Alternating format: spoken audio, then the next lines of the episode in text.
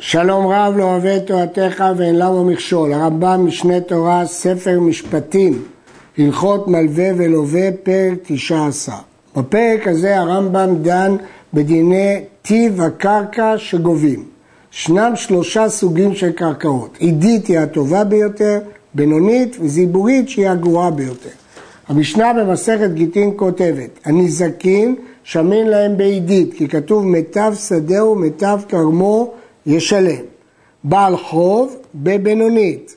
למה? כדי שבאמת היה צריך להיות בזיבורית, אבל כדי שלא תנעול דלת בפני לווים, תקנו שזה מבינונית. אישה גובה מזיבורית. למה? כיוון שיותר משהאיש רוצה לישא, האישה רוצה להינשא, ולכן גם בזיבורית היא מוכנה. כשיורדים בדין לנכסי הלווה לגבות מהם, לא יגבו לבעל חוב אלא מן הבינונית שבקרקעותיו. בדין תורה שיגבה בעל חוב מן הזיבורית, שנאמר בחוץ תעמוד והאיש אשר אתה נושה בו יוציא אליך את הכלים החוצה. מה דרכו של אדם להוציא? איזה כלים הוא יוציא? בחוץ שבכליו, הכי פשוטים. אבל תקנו חכמים בבינונית כדי שלא תנעול דלת בפני לווים. במה דברים אמורים בבא להיפרע מן הלווה עצמו, שהוא גובה בבינונית. אבל הבא להיפרע מן היורשים, בין קטנים בין גדולים, לא ייפרע אלא מן הזיבורית. לשון המשנה, אין נפרעים מנכסי יתומים, אלא מן הזיבורית. בין קטנים בין גדולים. אין נפרעים מנכסים משועבדים במקום שיש נכסים נכורים. לעולם המלווה לא יכול ללכת לטרוף נכסים שהלווה מכר אם יש מטלטלין או כספים או נכסים ללווה עצמו. ואפילו היו בני חורית ציבורית והמשועבדים בינונית, לא יכול המלווה לומר הרי הדין שלי בבינונית, לכן הנכסים שלך לא מספיקים כי היא זיבורית או עידית, בין שם חרם בין שם תנן, קודם כל הוא לוקח את הבני חורין שהם זיבורית. כי תמיד הקונה יכול להגיד, הנחתי לך מקום לגבות ממנו. נשתדפו בני חורין, אם הם התקלקלו, הרי זה טוב מן המשועבדים, שכיוון שנשחטו כאילו אינם, שטף אותם נהר, אי אפשר להשתמש בהם. ראובן שמכר כל שדותיו לשמעון, והלך שמעון ומכר שדה אחת מהם ללוי. ובא בעל חוב של ראובן לטרוף. רצה מזה גובה, רצה מזה גובה. יכול לגבות או משמעון או מלוי. במה דברים אמורים? מתי? בשלקח לוי בינונית. אבל אם לקח עידית או זיבורית, אינו יכול לגבות, אינו טורף מלוי. שהרי זה אומר לו, מפני זה טרחתי ולקחתי שדה שאין דינך לגבות ממנה. למה אני קניתי דווקא עידית וזיבורית? כדי להשאיר לך את הבינונית. וכן אם לקח לוי בינונית והניח אצל שמעון בינונית כמו הבינונית שלקח. אינו טורף מלוי, שהרי זה אומר לו, הנחתי לך מקום לגבות ממנו. כיוון שהנחתי לך מקום לגבות ממנו, אתה לא יכול לבוא אליי, תלך אליו. הסיבה של כל ההלכה הזאת היא מפני שיש כלל מה מכר ראשון לשני, כל זכות שתבוא לידו. במקרה וקנה לוי זיבורית, ולשמעון אין זיבורית ואין בינונית, יש לו עידית, מה יהיה אז הדין? לפי הרמב"ם משמע שהוא יכול לדחות אותו לשמעון. אבל לפי הרשב"א והרמב"ן, כיוון שאין לו בינונית, אלא לזה שמעון עידית ולוי זיבורית, יכול הבעל חוב לגבות ממי שהוא רוצה. והרמב"ם משמע שלא כך. למה? כי הוא אומר, השארתי לך עידית, מה אתה רוצה? תגבה מהעידית. אם הוא השאיר רק זיבורית, הוא אומר, אני רוצה בינונית ממך. אבל אם הוא השאיר עידית, הוא אומר, השארתי לך שדה יותר טובה, למה אתה בא אליי? לך אליו. כבר ביארנו שהנזקין שמין להם בעדית, כתוב מיטב שדה ומיטב כרמו, הרמב"ם ביאר את זה בהלכות נזקי ממון. ובעל חוב בבינונית, את זה למדנו עכשיו. וכתובת אישה בזיבורית, את זה הרמב"ם הסביר בהלכות אישות פרק ט"ו, ט"ז.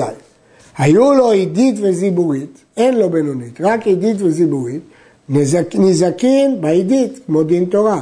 ובעל חוב וכתובת אישה בזיבורית, כי אמרנו שבעצם בעל חוב עיקר דינו בזיבורית, רק חכמים תקנו בינונית, אבל אם בינונית הוא חוזר לדין תורה לזיבורית. היו לו עדית ובינונית, יש לו רק עדית ובינונית, נזקים בעדית. ובעל חוב וכתובת אישה בבינונית, בעל חוב בבינונית כדינו, וכתובת אישה בבינונית כי אין משהו אחר. היו לו בינונית וזיבורית בלבד, נזקים ובעל חוב בבינונית, וכתובת אישה בזיבורית כדינה. מחרן לשלושה בני אדם בבת אחת, כולם נכנסו תחת הבעלים. והנזקים טורפים מן העידית, ובעל חוב טורף מן הבינונית, וכתובת אישה טורפת מן הזיבורית.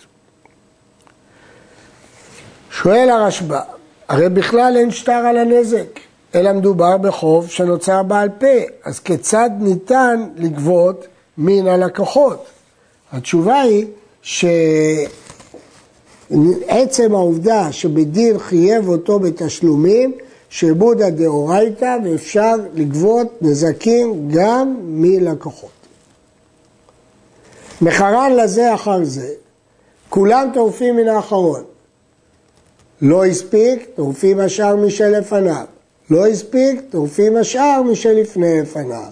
אפילו היה האחרון הוא שלקח הזיבורית, בכל זאת טורפים ממנו. שהרי לוקח הקודם, אומר לטורף, הנחתי לך מקום לגבות ממנו. אני לא קניתי את כל הקרקעות של הלווה, השארתי שם. זה שאחר כך הוא מכר לאחר, אז זה שקנה האחרון הוא משתעבד. בחרן לאחד זו אחר זו, אבל לאותו אחד, הרי זה הלוקח נכנס תחת הבעלים, נזקים בעידית, ברחוב במלונית וכו'. במה דברים אמורים? שלקח עידית באחרונה, אבל אם לקח זיבורית באחרונה, אפילו שזה אותו קונה, כולם גובים מהזיבורית, שהרי אומר לטרף, כשיבוא לגבות מן השדה שלקח תחילה, הרי הנחתי לך מקום לגבות ממנו, למרות שזיבורית, קניתי אותה רק עכשיו, וכשאתה בא לגבות מהעידית, אז כשקניתי את העידית, הנחתי את הזיבורית. ולמה אינו אומר לו הטורף כך אם לקח עידית באחרונה? ותגבה האישה או בעל חוב מן העידית של האחרונה, כי אם יגידו לו את זה השארת, אז את זה אנחנו נתרום. שזאת תקנה היא ללוקח. והוא אומר להם, מי ישיב תקנה זו? לכל אחד מכם יגבה מן הראוי לו. כל הטענה הזאת, הנחתי לך מקום לגבות ממנו לטובתי, אל תשתמשו בה לרעתי. מחרם לאחד, זו אחר זו, הוא מכר לו עידית באחרונה. וחזר הלוקח ומכר זיבורית ובינונית לאדם אחר, ושיער עידית לפניו. כולם גובים מן העידית, שהרי אין לו במה לדחה אותה. אין לו, יש לו רק עידית. מכר עידית והניח בינונית וזיבורית, הנזקין טורפין מן העידית שביד לוקח השני, כדינם. וברחוב וכתובת אישה גובים מבינונית וזיבורית ששיער לפניו. מי שלווה מאחד, ואחר כך מכר הלווה נכסיו לשניים, וכתב בעל חוב ללוקח שני, דין ודברים אין לי עמך. תדע לך, אני מתחייב שאני לא אטרוף ממך. הוא הודיע לו, התחייב לו שהוא לא יטרוף ממנו. וקנו מידו, עושים קניין סודה על ההתחייבות הזאת. אינו יכול לטרוף מלוקח ראשון. שהרי אומר לו, הנחתי לך מקום לגבות ממנו אצל בעל חובך, ואין הנכסים שקנה לוקח שני אחריי. כשאני קניתי, השארתי מעות אצל הלווה. השארתי שדה אצל הלווה. זה שאחר כך הוא מכר לאחר ואתה התחייבת שלא תטרוף ממנו, זה בעיה שלך. אתה הפסדת על עצמך, שהרי סילקת עצמך מהם. והוא הדין לאישה בכתובתה, אם כתבה לשני, איבדה כתובתה ואינה יכולה לטרוף, כי הראשון אומר, אני השארתי לך שדה, השארתי לך שדה. זה שאת התחייבת לשני שלא תטרפי ממנו, למה זה להפסיד אותי? אבל אם כתבו לראשון, טורפים מהשני, זה ברור. אם ההתחייבות הייתה לראשון, הם הולכים לשני, כי הוא לא יכול לטעון, הנחתי לך מקום לגבות. עכשיו נשים לב למקרה האחרון. מכר הלווה שדה ללוקח, ומכר אחריה שדה שנייה ללוקח שני, וכתב המלווה ללוקח שני, דין ודברים אין לי עמך. המלווה התחייב ללוקח השני שהוא לא יטרוף ממנו, וקנו מידו. הרי בעל חוב טורף מלקח ראשון שדה ראשונה, ולוקח ראשון טורף מלוקח שני שדה שנייה, שהרי קנה אחריו. ולוקח שני, טורף אותה מבעל חוב, שהרי כתב לו, שהרי הוא הבטיח לו שהוא לא יטרוף. ולוקח ראשון, חוזר וטורף מהשני, וחוזרים חלילה, זה חוזר כמו גלגל, עד שיעשו פשרה ביניהם. וכן האישה בכתובתה ואישו החוב כנגד שתי שדות. נסביר. הוא מכר שדה ללוקח, אחר כך שנייה לשני, אז הבעל חוב יכול לטרוף מהלוקח הראשון, אבל הלוקח הראשון יכול לטרוף מהלוקח השני, כי הוא אומר אתה קנית אחריי, והלוקח השני טורף אותה מבעל חוב, למה? כי הוא אומר, אתה הבטחת שלא תטרוף ממני, אבל לוקח, שוב חוזר מטורף מהשני, וחוזרים חלילה. יש שתי גרסאות ברמב"ם. גרסה השנייה נוסף תנאי, והוא שיהיה החוב כנגד שתי שדות. כלומר, לפי הגרסה שאצלנו היו שתי שדות, ולא רק שדה אחת. הראיבד גרס לפי הגרסה הראשונה, שלא היו שתי שדות, אלא שדה אחת. כך היה כתוב. אה, מכר הלווה שדה לקח, ומכרה לוקח ראשון, לוקח שני. את אותה שדה הוא מכר. כלומר, בשדה אחת ולא בשתי שדות. היד פשוטה כותב פה לרב נחום רבינוביץ', שליטה, שמכתבי היד משמע שהרמב"ם פסק תחילה לפי הגרסה שלנו, ואחר כך הוא חזר ותיקן כמו הגרסה שמובאת בספרו, שמכר השדה הלוקח ומכר השדה שנייה על הלוקח שני. אם כן, יש פה שתי גרסאות. הרייבד גרס כמו הגרסה הראשונה, ובעקבות כך הוא הקשה מספר קושיות. קושייה ראשונה, הלוקח השני יכול לגבות מהלוקח הראשון רק אם מכר באחריות. ובגמרא משמע שהדין נכון גם אם מכר את השדה שלא באחריות. שאלה שנייה, בעל החוב בכלל לא יכול לגבות מהלוקח השני. שהרי הלוקח השני אומר לו, אם תבוא לגבות ממני, אני אחזיר את השדה ללוקח הראשון, ואז לא תוכל לגבות. וישנה קושייה נוספת. הרי הכלל הוא מה מכר ראשון לשני, כל זכות שתבוא לידו. וכיוון שהמלווה לא יכול לגבות מהראשון, אז הוא לא יכול לטרוף גם מהשני. גם זאת אה, קושייה חזקה.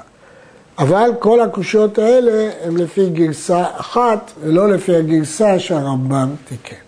עד כאן.